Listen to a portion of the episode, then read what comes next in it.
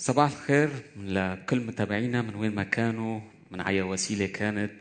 وهي فرصة هلأ لأكون عم بتشكر الأسيس أسعد أسيس حكمت على هذه الفرصة والامتياز أني أوقف هون. محل أنا تعلمت على إيدهم كثير وعن جد بتشكرهم من قلبي خصوصا الأسيس حكمت راعي كنيستنا كنيسة القيامة.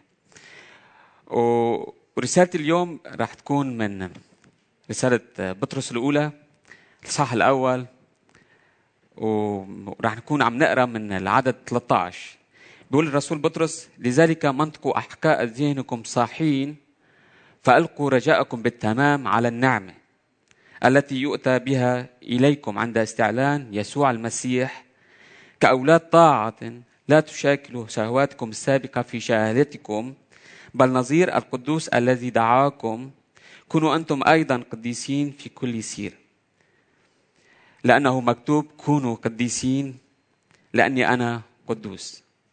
وإن كنتم تدعون أبا الذي يحكم بغير محبة حسب عمل كل واحد فسيروا زمان غربتكم بخوف عالمين أنكم افتديتم لا بأشياء تفنى بفضة أو ذهب من سيرتكم الباطلة التي تقلدتموها من الآباء بل بدم كريم كما من حمل بلا عيب ولا دنس دم المسيح. إذا من منبلش الإصحاح ببدايته بنشوف بطرس بيذكر ثلاث كلمات مهمة مفتاحية. كلمة مغتربين وفي الشتات ومختارين. الكنيسة اليوم وهي في هالعالم هي كنيسة مغتربة في الشتات وبنفس الوقت كنيسة مختارة وين ما كانت. ومنشوف بطرس بعد ما ينهي كلامه ببداية الإصحاح من العدد الثلاثة للعدد 12 عن أمجاد خلاصنا كمؤمنين ككنيسة بيبدأ بطرح عدد من المناشدات اللي هي أنا عملتها نقاط وعظتي لليوم. النقطة الأولى هويتك في المسيح. وما وعنوان واسطي طبعا هي هويتك في المسيح. هويتك في المسيح. ونبدأ من النقطة الأولى هويتك في المسيح بالنعمه يبدأ بطرس الرسول بعبارة منطقوا أحقاء ذهنكم. منطقوا بعبارة شد. ونحن ببلاد الشرق عندنا مثل كثير رائع وصورة مجازية. هي إنه الناس بترتدي ثياب طويلة وفضفاضة. وخاصة وقت اللي بدهم يمشوا بسرعة بيشيلوا هالتوب بيربطوه عند الخاصرة وبصيروا هيك بيمشوا بسرعة بأريحية أكثر ممكن بيسموها جلابية ببعض المناطق أو هيك شيء. ف ولكن هون هن كانوا عم بيمنطقوا أحقائهم طب شو كان عم يقصد الرسول بطرس هون إنه منطقوا احقائكم هو كان عم يقصد تماما يعني كلامه لأننا كمؤمنين أنه نحن لدى خروجنا للعالم ونحن عم نطلع للعالم لدى تواجدنا في العالم ونحن هلأ في العالم هذا العالم الفاسد. ينبغي أن نتجنب ما في في العالم من أمور فاسدة. وما ننسى أنه خلفية هذه الرسالة هي كتبت في وقت كان المؤمنين بيتعرضوا لاضطهادات وبنفس الوقت هلأ نحن عندنا البعض عنده اضطهادات ولكن أغلبنا على الأقل هون بلبنان عم نعيش نفس التحديات نفس الظروف الصعبة نفس المشاكل تقريبا بشكل متفاوت من عائله لعائله من طبقة لطبقة ثانية ولكن أغلبنا عم نعيش نفس الظرف. وكمان عم بيقلنا إنه ما تكونوا عم تعملوا ردات فعل غير لائقة بإيمانكم كونكم في المسيح بالنعمة. فكونوا مستعدين لتكونوا عم تواجهوا كل شيء غير لائق بإيمانكم من خلال عيش حياة فيها فيها نوع من الالتزام من من الاتزان الأخلاقي على المستوى الذهني الفكري. لما نرجع على عبارة منطق واحقاء ذهنكم. من خلال كيف؟ من خلال هالعيش المتزن اخلاقيا. يا وبكون عم بيقول لنا إنه نكون فاهمين كوننا نحن عم نحمل بهالظروف الصعبة والتحديات الموجودة حوالينا بهالمحيط اللي هو بحاجة لله نحن عم نحمل رسالة المسيح. وليس في أي زمن وليس في أي زمن نحن عم نحملها في زمن فيها تحديات فيها اضطهادات فيها ظروف صعبة على مستوى الكورونا مثلا. اللي ممكن كثير مرات بنفكر بأمور إذا بنجي للحقيقة هي ما بتليق بإيماننا ونحن في المسيح.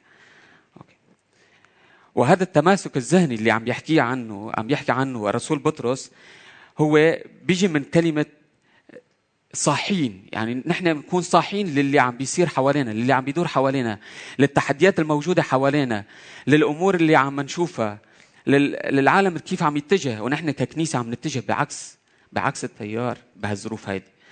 يا بمعنى ضبط النفس نكون نحن منضبطين منضبطين يعني منضبطين نفسيا.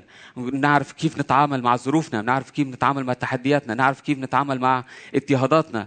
ما بننسى ولا مرة أنه نحن هويتنا في المسيح وعنا هالنعمة اللي ممكن نحن نتقاوى فيها. لأنه بيذكر كمان وبيحسنا رسول بطرس مثل ما كان يحس قراء وأنا ذلك على إلقاء رجاهم بالتمام.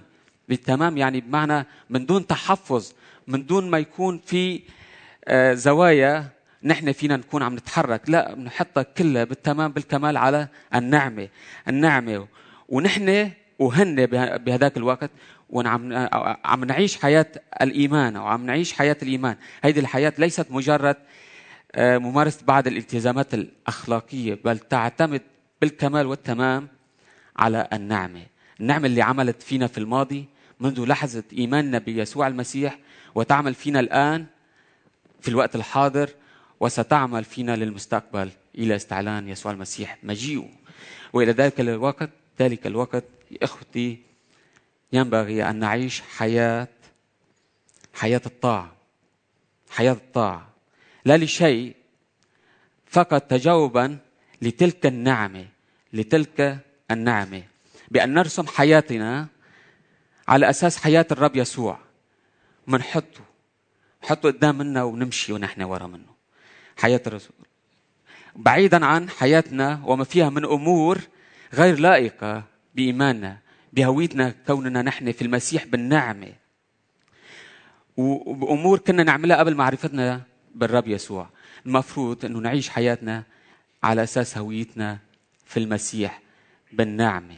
نكون عم نتعامل مع كل شيء حوالينا من اضطهاد من تحديات من ظروف شو ما كانت تكون بالنعمة بالتمام.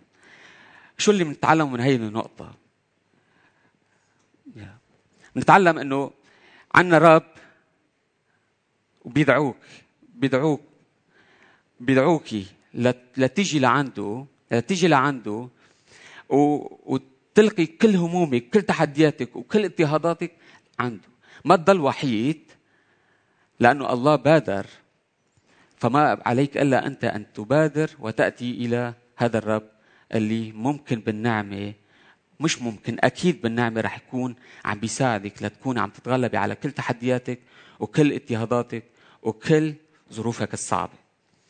فبالنعمة ستتغلب على كل الأمور التي لا تستطيع أنت كشخص محدود أن تتغلب عليها.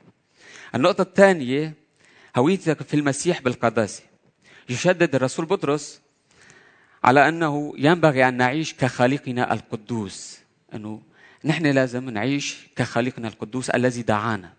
وهون المفروض إنه نحن نتمثل بالله مش بالنماذج الموجودة حوالينا هلا مش بالأساليب الموجودة حوالينا مش بالأشكال اللي نحن عم نشوفها حوالينا. نتمثل بالله يا الله القدوس الذي دعانا. فكلما تشبهنا بالرب يسوع كلما تشبهنا بالرب يسوع كلما كنا قديسين. هيك العملية. وهون بنشوف أنه الرسول بطرس بيرجع للعهد القديم وللإعلانات الإلهية التي وردت فيها. وليبرهن شغلتين. أول شغلة أنه الله كان يتوقع من شعبه أن يكون قدوسا مثله. ثاني شغلة أنه بطرس عم يظهر حقيقة مقاصد الله مصداقية مقاصد الله. هيدا الشيء بنشوفه بلاوين 11 44 ونفس العبارة اليوم بيتكلم لنا الرسول بطرس بيتكلمها لنا نحن اليوم بهذا الوقت. في ظل ظروفنا في ظل تحدياتنا في ظل آه، ضيقاتنا في ظل إنه نحن كثير من المرات بنحس حالنا لحالنا. بس ولكن الحقيقة أنه نعمة الرب هي معنا. فبيحكي لها بيحكيها لأن اليوم لحتى نكون عم نتمسك بهالإله اللي كان اللي هو لهلا بيتوقع منا أنه نحن نكون قدوسين مثله.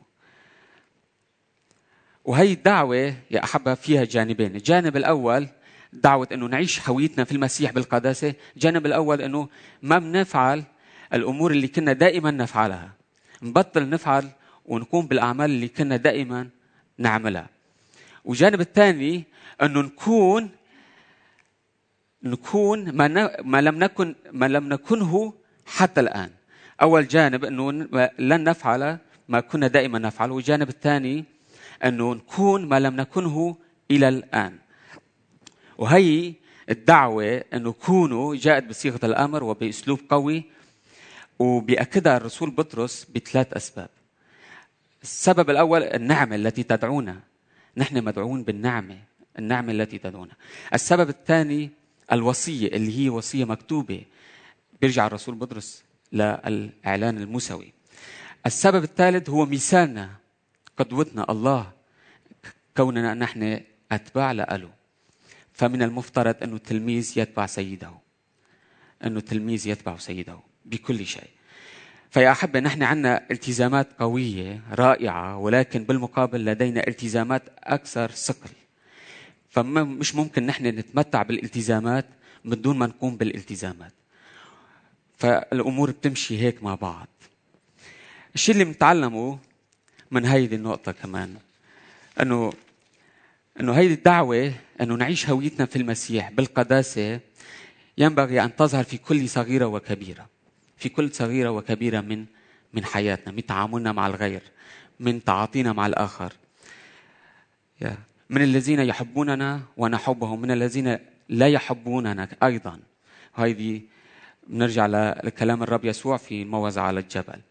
وبيشدد الرسول بطرس على كلمة كل سيرة كل سيرة. والسيرة هون لا يقصد الرسول بطرس فقط على الجانب الكلامي. شو معك كفاءات؟ شو عامل؟ لا بيقصد فيها الرسول بطرس السيرة ككل السيرة ككل يعني السلوك ككل من دون ما يكون في استثناءات من دون ما يكون في فراغات أنت بتعطيها لنفسك لتتحرك يمين وشمال. بدك تكون عم تكون قدوس مثل ما الله قدوس. واللي بنتعلمه من هذه النقطة أن نعيش حياة القداسة كخالقنا كالذي دعانا بكلامنا بأعمالنا بشخصيتنا المقدسة. وهذا الشيء اللي بيعلمنا اياه الأسيس حكمت من خلال درب اتباع المسيح يا اللي هو دي إن إيه تبع الكنيسة. وهيدا الشيء اللي نحن عم نحاول إنه نعيش نعيش على أساسه نعيش الكلمة. النقطة الثالثة هويتك في المسيح بالبنوة. في ظل دعوة الرسول بطرس لنا إنه نعيش هويتنا في المسيح على أساس النعمة والقداسة بشدد الرسول بطرس هون على البنوة. فيا حبة البنوة امتياز والتالي علينا أن نسلك بحسب بحسب كوننا أب أبناء. وما يتبع ذلك من من مخافة لله من جهة ومن توقير له من جهة ثانية من مخافة لله من جهة ومن توقير له من جهة ثانية وأنا بعتقد أنه في فرق بين كلمة خوف أنه نحن منخاف الله وفي فرق من بين بين كلمة مخافة منخاف من الله. الله ما بنخاف منه بقدر ما في مخافة بالموضوع. ونحن عم نعيش حياة البنوة مش بأي وقت وأي ظرف. نحن عم نعيشها بحياة حياة البنوة هون بهالوقت الحاضر بتحدياته بظروفه باضطهاداته. كوننا غرباء أصلا نحن هون مؤقتين.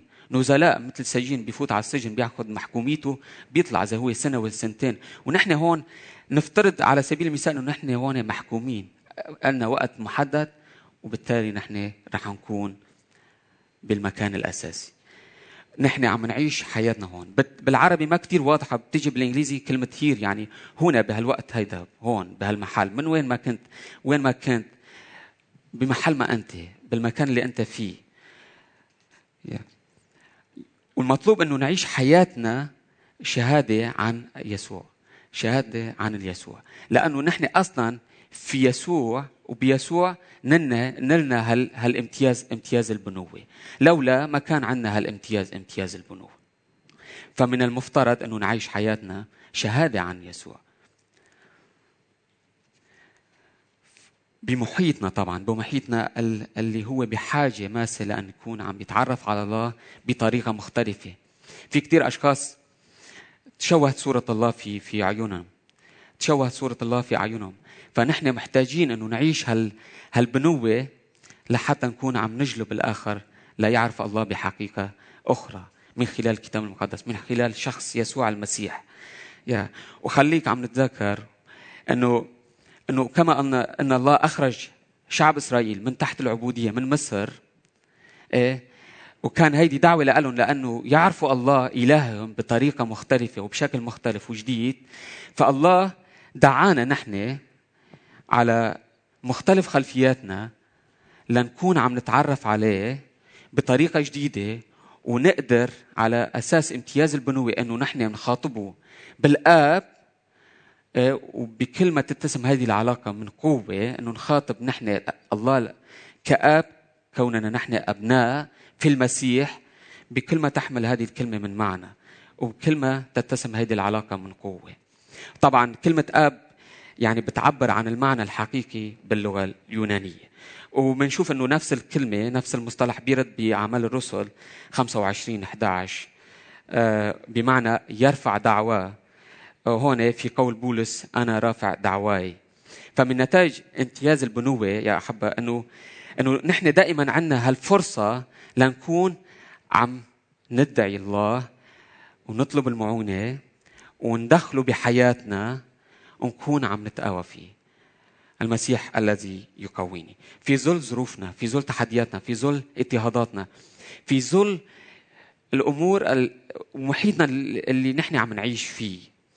وهون كمان فقد يوجد تلميح من الرسول بطرس بذكره لكلمة آب لما علم به يسوع في موعظة على الجبل إيه، وقت اللي كان عم بيعلم التلاميذ الصلاة الربانية بيذكروا لكلمة أبانا.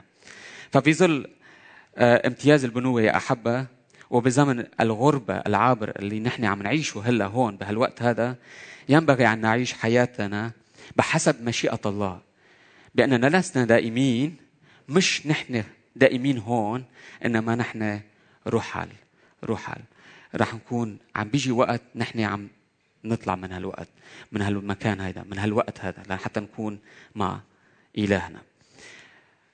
اللي بنتعلمه من هالنقطة هي أنه دعوتي لك أنه تعيش حياتك كابن. بعيد عن خلفيتك شو ما كانت اللي كانت تعلمك أنك عبد بعيد عن ثقافتك شو ما كانت أنك تعيش حياة البنوة امتيازات البنوة بس ولكن ما تنسى التزاماتك. وتنادي الله بأي ظرف كنت تنادي الله كآب. وخذ وقتك بهالصلاة وانت عم تنادي هالإله آب لأنه رح يعينك. في الختام أخي وأختي أنا ما بدي إياك تعيش ولا الله بده إياك تعيش حياة عفوية. وبفوضى ومن دون ما تكون هادف بكل شيء عم تعمله. بل أنا بدعوك أنك تعيش حياتك على أساس هويتك في المسيح على ضوء النعمة وعلى ضوء القداسة وكونك ابن لأنك مفدي مش بذهب وفضة بل بدم كريم كما من حمل بلا عيب ولا ولا دنس دم المسيح. وهذه رسالتي لكم اليوم. وصلاتي إنه تكون آه، مفيدة لكم وهلأ بكون عم بترككم مع الأسيس أسعد بيقودنا بالصلاة.